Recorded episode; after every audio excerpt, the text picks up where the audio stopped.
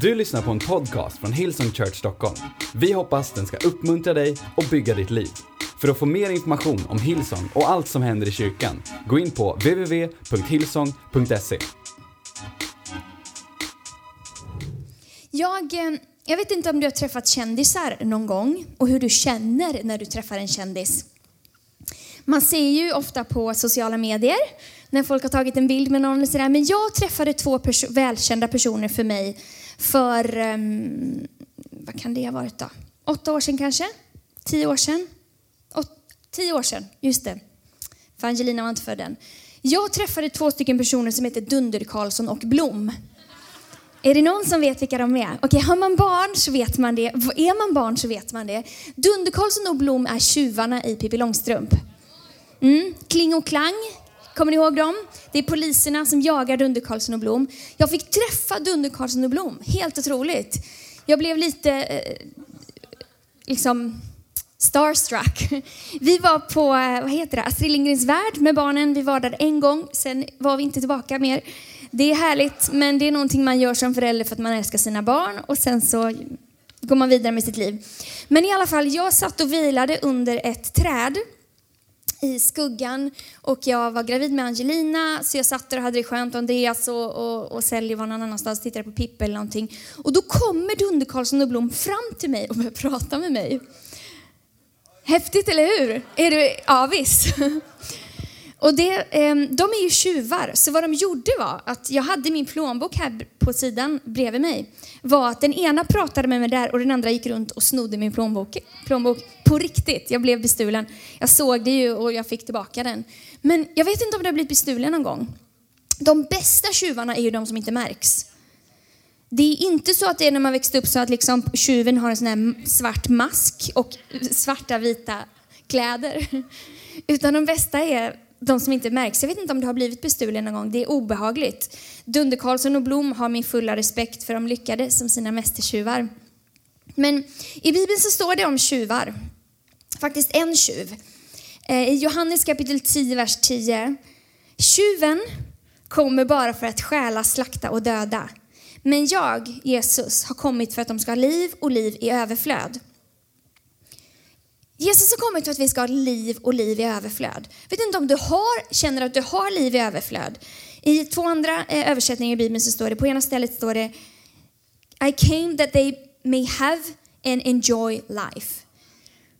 Och i the Passion Translation, have life in its fullness until you overflow. Alltså så här liv som är liksom, som om du häller ett glas med vatten och sen så fortsätter du bara att hälla. Det flödar över. När jag träffar folk eh, i foajén, hemma hos folk, vad som helst, så får jag ofta när jag frågar hur är det, då är det många som säger det är mycket nu. Jag tror inte att man menar det är mycket liv i överflöd, utan det är ofta mycket ingredienser i livet. Jag blir lite störd över det där. Det är liksom mycket, vårt samhälle, det är så mycket. Och det, det gör liksom, om man bara tänker på att dra en parallell till bakning, det blir inte bättre bara för att man lägger in fler ingredienser. Men på något sätt så har vi, mm, igår bakade vi faktiskt bullar hemma, jag och Angelina. Men det blir bra när man har de ingredienserna man ska ha. Men om man också tar bort vissa ingredienser så blir det inte alls bra. Ta, glömmer man sockret, en del, en del, det finns en nyttighetsvåg, man struntar i socker när man bakar. Kom igen, gör det om ni vill. Jag vet att i Jönköping så, så tror man på riktigt sju sorters kakor, eller hur? Det älskar jag. Men Gud har skapat oss för att vi ska ha liv. Har du liv i överflöd? Jag tror att vi är bestulna, fastän vi inte vet om det. Och för att världen ser inte ut som att folk har liv i överflöd. Folk är stressade, deprimerade, ensamma, det är krig, det är svält, är du glad att du kom till kyrkan idag? Blir påminn om det? Ja, men det är så. Så vad var det som hände egentligen? Guds plan är att vi ska ha liv i överflöd, men så ser det inte ut. Vad hände? Låt oss gå tillbaka till början. Är det okej okay att vi gör det? Um, det fanns fyra saker i Edens lustgård. Det fanns massa saker i Edens lustgård, framförallt växter och härliga saker. Men om jag läser den texten så ser jag fyra saker som fanns, som Adam och Eva hade. Får jag säga dem? Och så tänkte jag att vi skulle läsa och se om du hittar dem. Det ena var vila och tillfredsställelse. Det här är min vila. Det här är en bild på min vila och tillfredsställelse. Härligt. Eh, det andra var arbete och ansvar. Det här är en kratta, eller jag tror faktiskt att det är en räfsa. Ja, man kan ju inte kalla det här för en kratta, hallå? I know, Jönköping, ni vet precis vad jag menar. Här i Stockholm vet jag inte riktigt om alla har använt en sån här någon gång. Men man kan använda den till att kratta löv, bruka jorden. Ehm, det tredje som fanns var begränsningar och ansvar. Det här är min begränsning idag. Den är häftig. Och det fjärde som fanns var relationer och gemenskap. Men jag har absolut inga relationer här uppe, så jag skulle behöva ha lite vänner. Eh, Ida, vill du hjälpa mig? Jenny Figaro, vill du hjälpa mig? Johanna Pedersen vill du hjälpa mig? Här har vi mina vänner, mina relationer idag. Det är inte bra för människan att vara ensam. Sätt er någonstans. Den här kan vi ta bort. Sätt er här. No, ni får absolut sitta på stolen. Ingen som vågar göra det. Välkommen. Fint. Det är lite juliga idag. Okej, det här fanns. Ska vi läsa i, eh, från första Mosebok kapitel 1 om det här då? Från vers 7. Då formade Herren en människa av markens jord och blåste in livsande genom hennes näsa. Så blev människan en levande varelse. Herren Gud planterade en trädgård österut i Eden och satte där människan som han hade format. Herren Gud lät vackra träd av alla slag växa i trädgården och de gav den mest utsökta frukt. Mitt i träden planterade han livets träd och kunskapens träd, det som är kunskap om gott och ont. Från vers 15. Herren Gud satte mannen i Edens trädgård för att bruka och vårda den. Eh, och Herren Gud gav mannen denna befallning. Du får, läs, du får äta av vilket träd som helst i trädgården, utom av trädet som ger kunskap om gott och ont. Den dag du äter av det kommer du sannerligen att dö. Sen sa Herren Gud, det är inte bra för mannen att vara ensam. Jag vill göra en medhjälpare åt honom, en sån som passar honom. Herren Gud hade format markens djur och alla fåglar av jord och förde dem nu till mannen för att han skulle kalla dem, ehm, för att se vad han skulle kalla de levande varelserna. Och, kall, och vad han kallade dem, det fick de heta. Så gav också han namn åt all boskap, alla himlens fåglar och alla vilda djur. Men fortfarande fanns det ingen lämplig hjälp för Adam. Herren Gud lät då mannen falla djup sömn och medan han sov tog han ut ett av hans revben och slöt till stället där han hade tagit ut det med kött. Och Herren Gud gjorde en kvinna av revbenet och förde fram henne till mannen. Här har vi tre fantastiska kvinnor. Preach it, sa en make på första raden. Det är härligt. Okej, fyra saker. Jag vet inte om ni hörde det. Gud skapade en fantastisk miljö. Han skapade vila. Här har vi vila. Utsökt frukt. Mm. Mm. Varsågoda om ni vill ha. Det var vila, det var tillfredsställelse. Och sen så ger han Adam ett uppdrag att bruka och vårda, akta krattan här hörru. Räfsan menar jag.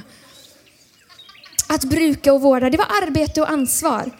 Vi mår bra av det. Och nu kommer fåglarna också. De tar vi alldeles strax.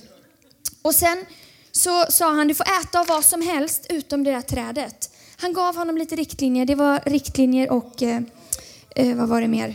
Begränsningar och riktlinjer. Och så relationer. Han skapar en medhjälpare. Det är inte bra för oss att vara ensamma. Ibland tycker vi det är härligt. Ibland kanske du är man och tänker, kan jag inte få vara i fred? Du får vara i fred ibland, men det är inte bra för dig att vara ensam. Så säger Herren. Så relationer och gemenskap. Och ofta så blir vi bestulna på de här sakerna. Så, så här enkel är min predikan idag. Har du blivit bestulen? Det första då, om vi ska ta det, det är ju vila och tillfredsställelse. Får jag sitta i stolen nu så får du sitta vila någon annanstans. Det här är min vila. Jag vet inte vad du gör när du vilar. Eh, det stod att han skapade, han skapade en fantastisk trädgård. Det var härligt. Blommorna doftade, fåglarna kvittrade, det fanns utsökt frukt. Det var liksom härligt. Mm. Är det någon som är sugen? Tyvärr Jönköping. Jag tror inte de är lika generösa där så att det blir inget fika där men kan jag gå ut här eller vad händer då? Förlorar jag Jönköping då? Jag går och bjuder lite på... Är det någon som vill ha en lussebulle? Pepparkaka? Kan behöva vara lite snällhets... Förvirrar jag allihopa. Kameran, var är den någonstans? På trädgården kanske? Är det någon mer? Ingen som vågar? Varför inte? Men ingen tar ju av frukten. Alla tar bara av lussebullar och pepparkakor. Härligt.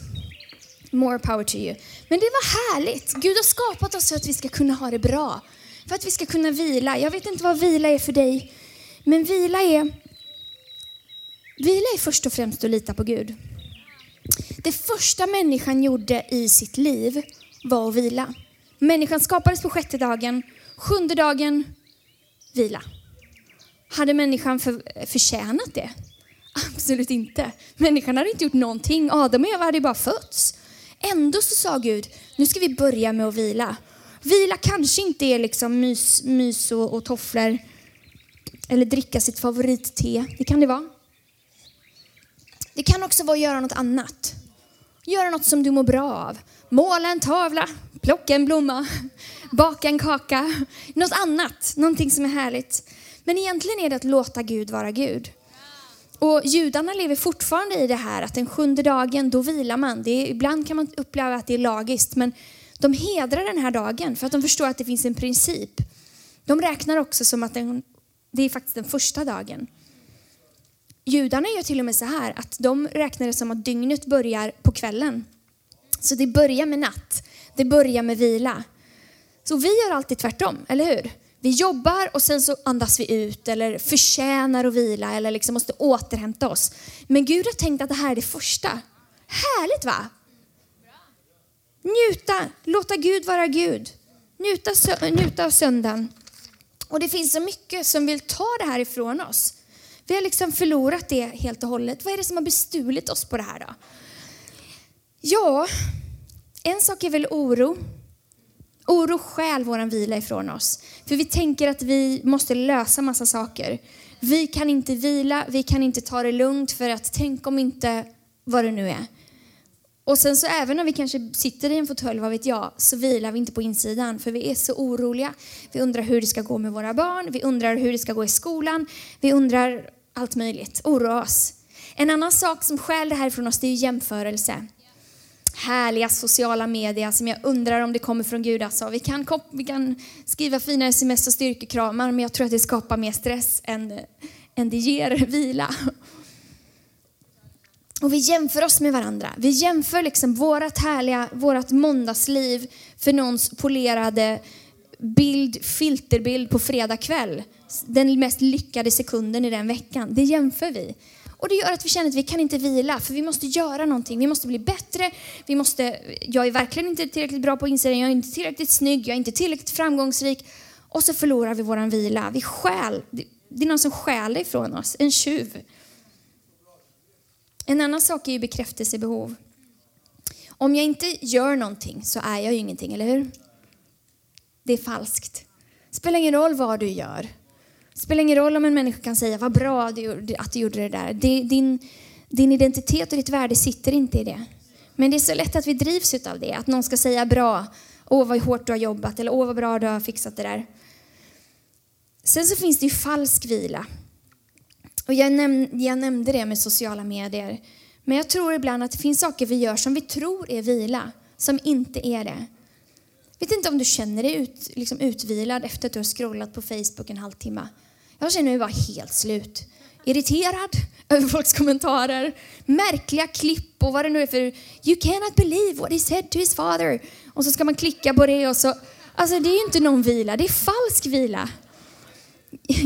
ja men fake news, precis. Jag, jag ehm, jag var på en föreläsning för några veckor sedan eh, med en professor som talade om psykisk hälsa och ohälsa bland unga.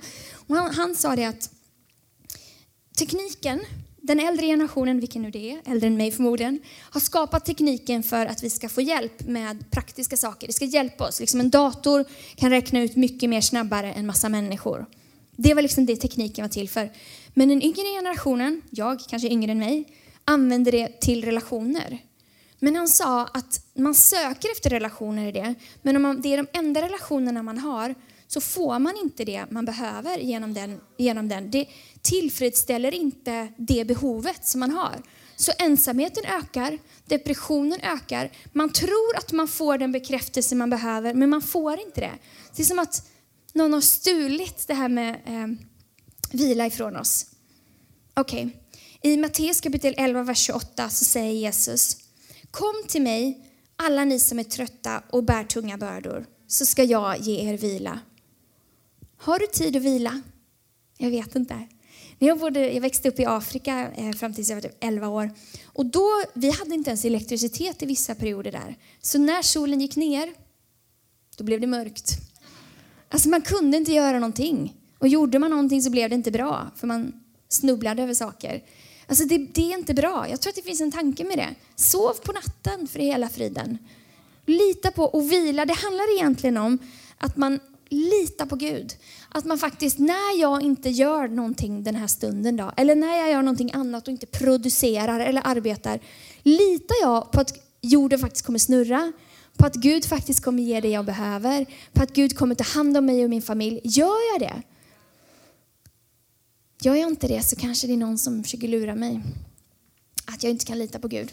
Okej, okay, så det var vila och tillfredsställelse.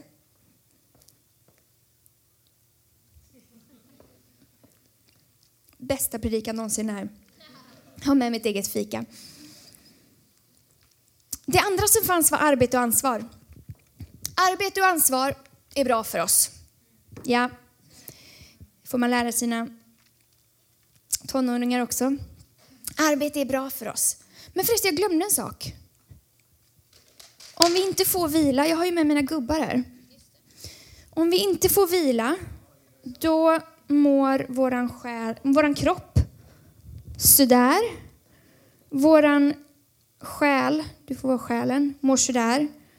Och våran ande mår sådär. Okej, okay, vi mår inte bra, ni fattar poängen. Ska vi gå tillbaka? Nu får ni vara lite glada igen. Arbete och ansvar. Så Gud sa till Abraham, inte till Abraham, han kommer senare, till Adam. Jag ska nog få in Abraham också, ska vi se. Men eh, bruka och vårda den här trädgården. Alltså vi mår bra när vi använder vår kropp. Alltså, när ni, om ni har en trädgård, känns det bra efteråt? Framförallt när det är klart och man slipper. Eller hur Petrus? Petrus har aldrig varit i en trädgård, jag vet inte. Jo, då, jo då, han, har nog, han har nog hjälpt oss till och med. Men vi mår bra av det. Vi mår bra av arbete, vi mår bra av att ta ansvar. Ni vet själva om man har varit arbetslös en längre tid, för de som har varit det. Man mår inte bra. Det blir, man förlorar syfte.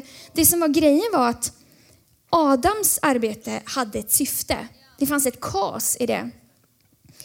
Det fanns en mening. Det faktiskt blev någonting. Det var det Gud hade sagt åt honom att göra. Men ofta så gör vi och människor i vår värld saker utan ett syfte. Eller vårt syfte kanske är att imponera.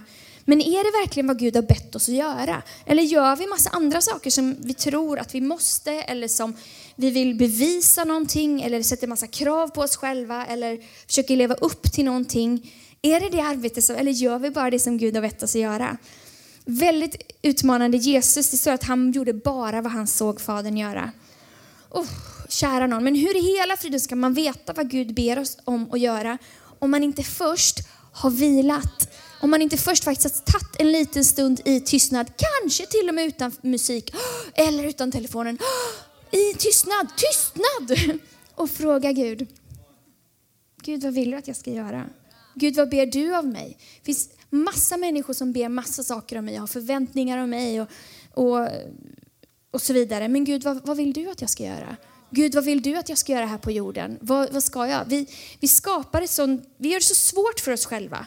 För vi måste ju jobba så hårt för att vi ska kunna visa upp en sån fin bild, för att vi ska kunna köpa ett sånt fint hus, för att vi ska kunna visa att vi är lyckade. Men är det så Gud tänkte det från början? Jag tycker om att ha ett fint hus. Jag tycker om att ha det bra, men frågan är om vi får komma i rätt ordning. Så om vi jobbar för mycket så mår vi inte bra. Vi må ju bli sjuka, det är utbrändhet liksom. Jag vet inte om jag hörde det ordet när jag växte upp. Vi mår inte bra, vi blir sura, ledsna, griniga och deprimerade. Och vi tror att allt är lag. Så att vi får ingen relation med Gud. Jesus säger, ni får ta ner dem om ni vill. Jesus säger i Matteus kapitel 11, vers 30. Mitt ok är behagligt och min börda är lätt. Kom till mig, som han sa. Kom till mig alla ni som bär på tunga bördor. Ett ok använder vi inte så mycket nu för tiden. Men det fanns två saker. Det ena är att man la en grej så här över axlarna som gjorde det möjligt att bära mer än man annars kunde. Man kunde hänga, hänga en hink kanske på varje sida för att kunna för att kunna bära mer. Men det var också det här att man på Jesu tid då hade man oxar okay, som drog. Då satt en oxe, nu är jag en oxe, ser ni det? På ena sidan, ja, fel svar. Eh, ihop med en annan oxe, så de var bredvid varandra så här. En äldre oxe som visade rytmen, som visade takten så den yngre oxen kunde hänga på. Gud är oxen, du är lilla kalven, följ hans rytm. Det står i The Message eh, i samma eh, Matteus 11.30 där vi läste, men i den översättningen. Walk with me and work with me. Watch how I do it. Learn the unforced rhythms of grace. Så det finns en rytm. Det finns en rytm som Gud kallar oss att gå i. Och ofta så kommer vi ur den rytmen för att vi lyssnar på alla andra, vi lyssnar på alla förväntningar, vi lyssnar på allting. Men det finns en rytm som han har för oss. Ehm, om eh, soldater till exempel, jag är ingen soldat, men om soldater marscherar i takt så orkar de längre. Intressant va? Men när det blir liksom otakt allting, då blir det struligt och alla blir trötta. Helt häftigt, eller hur? Det finns en rytm. Men hur ska vi kunna höra den rytmen? Om vi inte först sätter oss ner och lyssnar på musiken. Om vi inte hör hjärtslaget från Gud. Hur ska vi kunna veta vilken rytm vi ska gå i? Världen har en annan rytm för att det finns ett annat mål, andra spelregler. Så vad stjäl den här vilan från oss? Jag har varit inne på det. Förväntningar, massa värderingar, ehm, att vi inte har något kaos Och ibland så flyr vi från det vi vet är rätt. Det finns exempel på det i Bibeln. Jona, han flydde från det Gud bad honom göra, vilket gjorde att han hamnade liksom på en båt, i ett hav, i en val, på en strand. Det var ingen härlig... Det var en snabb, snabb eh, recap av Jonas liv. Men för att han flydde från Gud. Och ofta så vet vi vad Gud vill och ber oss göra. Men vi tror att det inte är bra för oss och så stretar vi emot det. Men tänk om vi faktiskt skulle följa honom. Det är kanske är någon som stjäl din framtid ifrån dig istället. Du tror att det är någonting som du, att det, att det ska fånga dig någonting, men du kanske kommer bli fri. Så vad har Gud kallat oss att göra? Ja, men någonting han har kallat oss att göra, alla att göra, är att göra människor till lärjungar.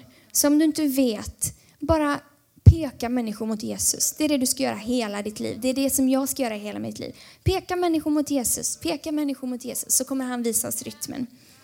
Om vi inte, har vi haft arbete? Ja, det har vi haft. Emojisarna. Får jag se er igen? Så där blir det om vi arbetar för lite, om vi arbetar för mycket. Ja.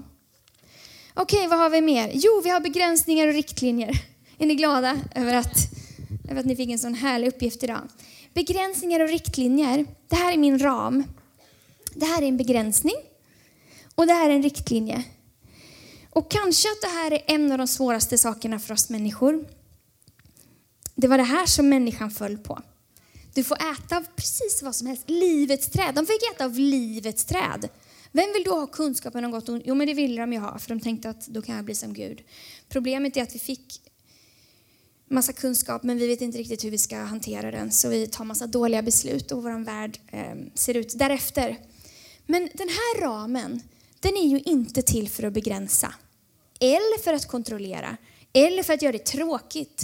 Utan den här ramen är ju till för att skapa förutsättningar. För att skapa skydd. Jag har barn. Eh, jag har aldrig under deras uppväxt gett dem en ask tändstickor och ett V3 V3 och sagt ha det så kul. Eller bara låtit dem springa rätt ut i gatan i trafiken. Inte för att jag är en hård förälder, kanske de tycker ibland att jag är. Med lite perspektiv kommer de förstå att det är något annat. Utan för att jag vill skydda dem. All, alla de ramarna som Gud ger, det är för att skydda oss. Det är för att skapa en förutsättning för oss att kunna blomstra och för att kunna må bra. Det finns så många exempel på det här. Det är ett beskydd. Och vi tror, det som rånar oss från det här är att vi tror på en falsk syn på frihet. Vi tror helt för, vi ska ha inga begränsningar, släng det där, lev fri, ha sex med vem du vill. Sa jag det där i kyrkan? Ja, det gjorde jag. Gör vad du vill. För det blir inte bra, du mår inte bra av det. Det finns till och med äktenskapet, det är en, det är en tanke. Det skyddar oss. Alkohol, utan begränsningar. Alltså det är så många familjer som lever i misär på grund av alkohol. Barn som får ha en fruktansvärd jul på grund av alkohol, på grund av att det inte finns några begränsningar. Arbete, arbetar vi alldeles för mycket, det har vi redan tagit. Finns det inga begränsningar, vi mår inte bra. Till slut så går vi in i någon form av vägg. Pengar, allting. Om det inte har begränsningar så mår vi inte bra. Jag har ett exempel på det. Eh, ett exempel på när min dotter inte förstod värdet av begränsningar. I fredags så var min dotter på kalas hos eh, Hannis, eh, Hanni, eh, Jennys dotter, som fyller tio. Jag, hon har haft lite, de skulle sova över. Det är ett pris man betalar som förälder när man har x antal tjejer som ska sova över. De hade bestämt sig för att dygna. Vet ni vad dygna är? Ja, det är ju det att man ska vara vaken hela natten bara för att man kan. Okay. Bara för att mamma inte är där. Eh, och liksom hade tsch, aldrig i livet om det hade varit hemma hos oss. Men det fanns, det fanns nåd hemma hos familjen Figaro. Eller så, hon visste faktiskt inte om det. Så I'm so sorry. Men de, de kämpade och det var, för det första var det inte så kul för de var tvungna att vara tysta hela tiden berättade hon efteråt. Sen fick ju bara ligga där och kolla på sina telefoner i alla timmar. De klarade inte riktigt att dygna men hon fick betala ett pris dagen efter kan jag säga. Hon var så sur, Angelina. Jag bara, vet du vad det där är för ansikte? Det där är ansiktet hos någon som har försökt att dygna. Nej, det är det inte alls. Hon var inte alls glad. Det fanns, hon förstod inte värdet av begränsningar. Nu så tror jag inte hon kommer försöka dygna eh, ett tag framöver i alla fall. Men eh, hon somnade klockan eh, sju och så vaknade nio idag eller något sånt där. Men det är bra för oss. Riktlinjer, begräns, riktlinjer och begränsningar, det är så bra för oss. Vi mår bra av det. Det står i psalm eh, kapitel 1, från vers 1 till 3. Lycklig är den som inte följer de ogudaktigas råd och inte vandrar på en syndares väg eller sitter bland hädare. Han gläder sig istället, han gläder sig över Herrens lag och reciterar den dag och natt. Han är som ett träd som växer vid flodstranden, som bär sin frukt i rätt tid och vars löv aldrig vissnar. Allt! Han lyckas med allt han gör. Jag vill lyckas med allt jag gör. Någon mer? Någon i Jönköping som vill lyckas? Ja, precis, allihop. Jag vill lyckas med allt jag gör. Så varför inte bara kanske se att det finns begränsningar, det finns riktlinjer för att vi ska må bra. Det finns en kvinna som heter Mona Lisa, hon hette det, tavlan heter Mona Lisa. Hon sitter i en jätteliten ram. Alltså hennes ram, den är inte så här stor. Jag har inte sett henne live, men den är liksom hälften, ja precis. Men tack vare att hon sitter i sin lilla ram på Louvren i Paris och i hela världen där och ska titta på henne. Hon är den mest kända kvinna kanske på tavla som finns. Så det kan vara en välsignelse till oss. Men den som vill stjäla det här från oss, det är någon som vill ljuga för oss. Det är någonting bra. Och nu ska vi få in Abraham också, det måste jag. Men Gud sa till Abraham, Abraham, ta, packa ihop alla dina grejer, allt du har, din familj och allting och gå till en plats där jag ska välsigna dig, som jag ska visa dig. Gud ville ta honom till en plats där han kunde blomstra och där han kunde välsigna honom. Kanske att Gud faktiskt vill ta dig till en plats där du kan blomstra, där du kan välsigna. Du har ingen aning om det nu. Du undrar, vad är hela friden Gud? Är du, är du en hård Gud? Nej. Våga följa honom och våga lita på honom så kommer du se att du kommer in i en plats där han där du kan blomstra, där det är bra. Det är bra för oss. Och det är absolut inte samma sak som lagiskhet. För det kan inte börja med det här. Det börjar med vila. Det börjar med relation med Gud. Att vi lyssnar till rytmen, att vi lyssnar till det som han säger. Och att vi följer det. Okej, sen har vi relationer. Härligt. Här är mina vänner. De är mina vänner på riktigt. Vad härligt.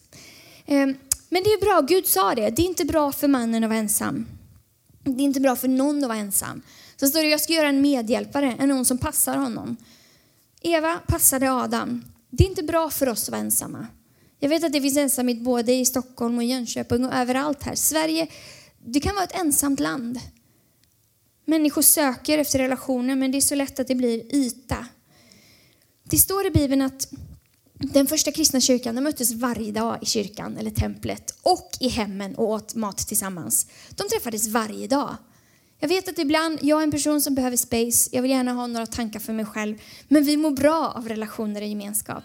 Det finns vetenskap, ni vet bebisar som inte får fysisk kontakt och beröring, de kan dö för att de blir deprimerade. Samma sak med äldre personer som är liksom gamla och ligger på ålderdomshem. Om de inte får fysisk kontakt och mänsklig kontakt, då finns det exempel på att de bara stänger av. Att deras, de, deras sinne fungerar inte längre. Men samma sak, om någon person kommer dit, rör vid dem, tittar, tittar dem i ögonen, pratar med dem, den här mänskliga kontakten, då kommer det tillbaka. Då kan minnen komma tillbaka. Eh, liksom, allting det här kan komma tillbaka i huvudet. Rätt häftigt va? Vi behöver varandra. Och jag vet inte om du tror, ibland kan vi tro här i Stockholm och så här, ah, det, jag har inga vänner, det finns ingen som bryr sig och så här. Men relationer, det är en disciplin. För några år sedan så kände jag mig ensam. Jag insåg att jag inte var det. Men jag kände mig ensam. Vad behövde jag göra då? Jag behövde investera i några, några relationer. Jag behövde faktiskt ta lite tid. Faktiskt lägga bort den här krattan, räfsan. Rätt ska vara rätt lägga bort den här och faktiskt ha tid. Sätta lite begränsningar på några saker så att jag hade tid att investera in i, i relationer med människor. Och det som skäl relationer från oss, det är ju dels när vi tänker att relationer bara ska vara ett arbete. Det står att Eva passade Adam. Har du människor omkring dig som passar dig? Alltså, som ser guld i dig. Som som ser det bästa, som är friends of your destiny, som vill att du ska ha det bra. Har du vänner i kyrkan, människor som pekar dig åt rätt håll och som också kan titta dig i ögonen och säga du, nu har du gått snett här eller här tänker du fel. Har du sådana människor? Har du människor som bryr sig, omkring, bryr sig om dig? Om inte du känner att du har det, de finns här. Tänk inte det finns ingen och det är så ensamt och det finns ingen som bryr sig om mig. Det är en lögn. Det är någon som försöker stjäla relationer från dig. Det finns människor här och, och, ibland ser de inte ut som man har tänkt. Ibland har de liksom inte lika mycket swag som man själv har. De finns här. Om du bara vågar öppna upp ditt hjärta och ditt liv för andra människor och relationer. Det finns så mycket som kan, som kan, ta, eh, som kan hindra oss från att ha relationer. Skam, kanske att vi inte vågar visa vilka vi är, att vi skäms för dem vi är. Eh, rädsla, om du har blivit sårad förut. Det vill stjäla relationer från dig. Brist på begränsningar kan stjäla relationer. Connect-grupper är ett jättebra tillfälle att lära känna människor. Är du inte med i en Connect-grupp, varsågod, vi finns här för dig. Du kan prata i Welcome Lounge efteråt eh, på våra campusar. Men, men, men det finns människor, okej? Okay? Det är upp till oss faktiskt också, att öppna upp våra liv för andra människor och vara en vän för någon. Så alla de här sakerna, det är väldigt basic. Men jag tror att Gud har tänkt att vi ska ha det. Han har tänkt att vi ska vila. Han har tänkt att vi ska ha tillfredsställelse. Det ska vara härligt, det ska vara roligt, det ska vara pepparkakor, glada, härliga jultröjor, allt vad det kan vara. Han har skapat oss för att vi ska kunna arbeta, för att vi ska kunna ta ansvar och göra någonting. Han har skapat oss med riktlinjer och begränsningar. Och han har skapat oss för relationer och gemenskap. Och din, min fråga idag är egentligen bara jätteenkel. Har du, har du liv i överflöd eller har du blivit bestulen? Finns det saker som inte fungerar i ditt liv? Våran värld där ute, de är så vilsna. Människor försöker, att, människor försöker att hitta liv på alla möjliga sätt. Men vi har lösningen. Och då behöver du och jag hitta det först för att kunna vara ett föredöme för andra människor. Jag tror verkligen att det finns en nyckel i de här sakerna. Och det står i Matteus kapitel 16, vers 26. Vad vinner en människa om hela världen blir hennes om hon samtidigt mister sitt liv? Vad kan hjälpa henne att få det tillbaka? Eller i the Passion Translation på samma ställe. For even if you were to gain all the wealth and power of this world with everything it could offer you at the cost of your own life, what good would that be? And what could be more valuable to you than your own soul? Människor idag har vunnit hela världen, precis som det står här. Rikedomar, frihet, överflöd, men har förlorat sitt liv. det absolut viktigaste i livet av alla, det utgår från Jesus Kristus. Och känner du inte Jesus här idag så ska du alldeles strax få en möjlighet att ta emot honom. Men även om du har känt honom så kanske är det så att du har blivit bestulen av Dunderkarlsson och Blom utan att du vet om det. Att, men, att, att det finns saker som inte funkar i ditt liv. Gud vill det bästa för oss och idag kanske jag hoppas och tror att den helige Ande kan viska till dig, kan tala till dig. Kanske redan har gjort det. Andreas brukar säga, om du vill ha något du aldrig har haft behöver du göra någonting du aldrig har gjort. Kanske finns det någonting inom de här områdena som du behöver göra idag. Och den helige Ande vill hjälpa dig. Ibland tror man att han, kan inte, han talar inte till mig. Men har du testat då? Har du testat att sätta dig ner och lyssna? Kanske att han inte säger någonting första gången. Ibland så tror jag att han är tyst för att han vill att vi ska söka honom mer. För ibland så är det så att vi får ett svar, tack och hej Gud. Och så är vi så nöjda och fortsätter med vårt liv. Kanske att det kan vara så att han önskar att vi skulle söka honom i allting. Söka honom lite mer. Och är det tyst en stund, det är inte dig det är fel på. Det är inte Gud det är fel på. Bara vila. Hitta en plats där du kan möta Gud. Så vill han tala till dig. Och jag vill jättegärna be för er idag som känner att ni inte har det här överflödande livet, liv i överflöd. Så vi kan göra så att vi eh, ställer oss upp på båda våra campusar. Och så, som jag sa, alldeles strax så ska vi be för dig som vill ta emot Jesus. Men jag vill bara be för dig som, som redan känner Jesus, men som behöver hans liv. Som behöver hans, liksom, så som Gud gjorde när han skapade världen, skapade människan, så han andade sitt liv in i någon. Så gör så att vi kan blunda och vi kan böja våra huvuden av respekt till varandra. Och så vill jag jättegärna be. Jag kommer inte, det är ingen idé för mig att liksom ta kontakt med dig efteråt, men jag tror att Gud vill göra någonting här. Och jag tror att när vi ger respons till honom så visar det att vi vill ha någonting av honom. Så om du har någonting av de här områdena som du vill att jag ber för så kan du räcka upp din hand just nu. Det är jättemånga händer som går upp. Alla kan blunda så du är inte ensam. Vänta några sekunder till bara. Tack Jesus, jag tackar dig Gud för den du är för oss. Jag tackar dig Gud för allt du har för oss. Jag tackar dig för att du är så god. Jag tackar dig för att du har skapat oss att vi ska ha gemenskap med dig först och främst Herre, men med varandra Herre. Jag tackar dig för att du har gett oss den bästa spelplanen i livet vi kan få tackar dig Gud för varje person som är här, varje person som är här i Stockholm, i city. Jag tackar dig för varje person som är i Jönköping. Jag tackar dig för att du är nära var och en. Du ser var och en. Du vet exakt hur varje situation ser ut. Tack Gud för att du får ta bort lögnen just nu. Att lögner får lämna i Jesu namn. Att tjuva, det som har stulit får lämna i Jesu namn. Att vi får ta tillbaka det livet som du har tänkt för oss Herre. Tack för din välsignelse, tack för din närvaro, tack för din vishet, tack för din klarsynthet. Tack Gud för att vi får vara föredömen för de som finns omkring oss Herre. Tack Gud för att du har skapat oss till att ha liv och liv i överflöd. Tack för att du är liv. Vi älskar dig och ärar dig. I Jesu namn. Amen. Ska vi lovsjunga tillsammans så kommer vi tillbaka strax.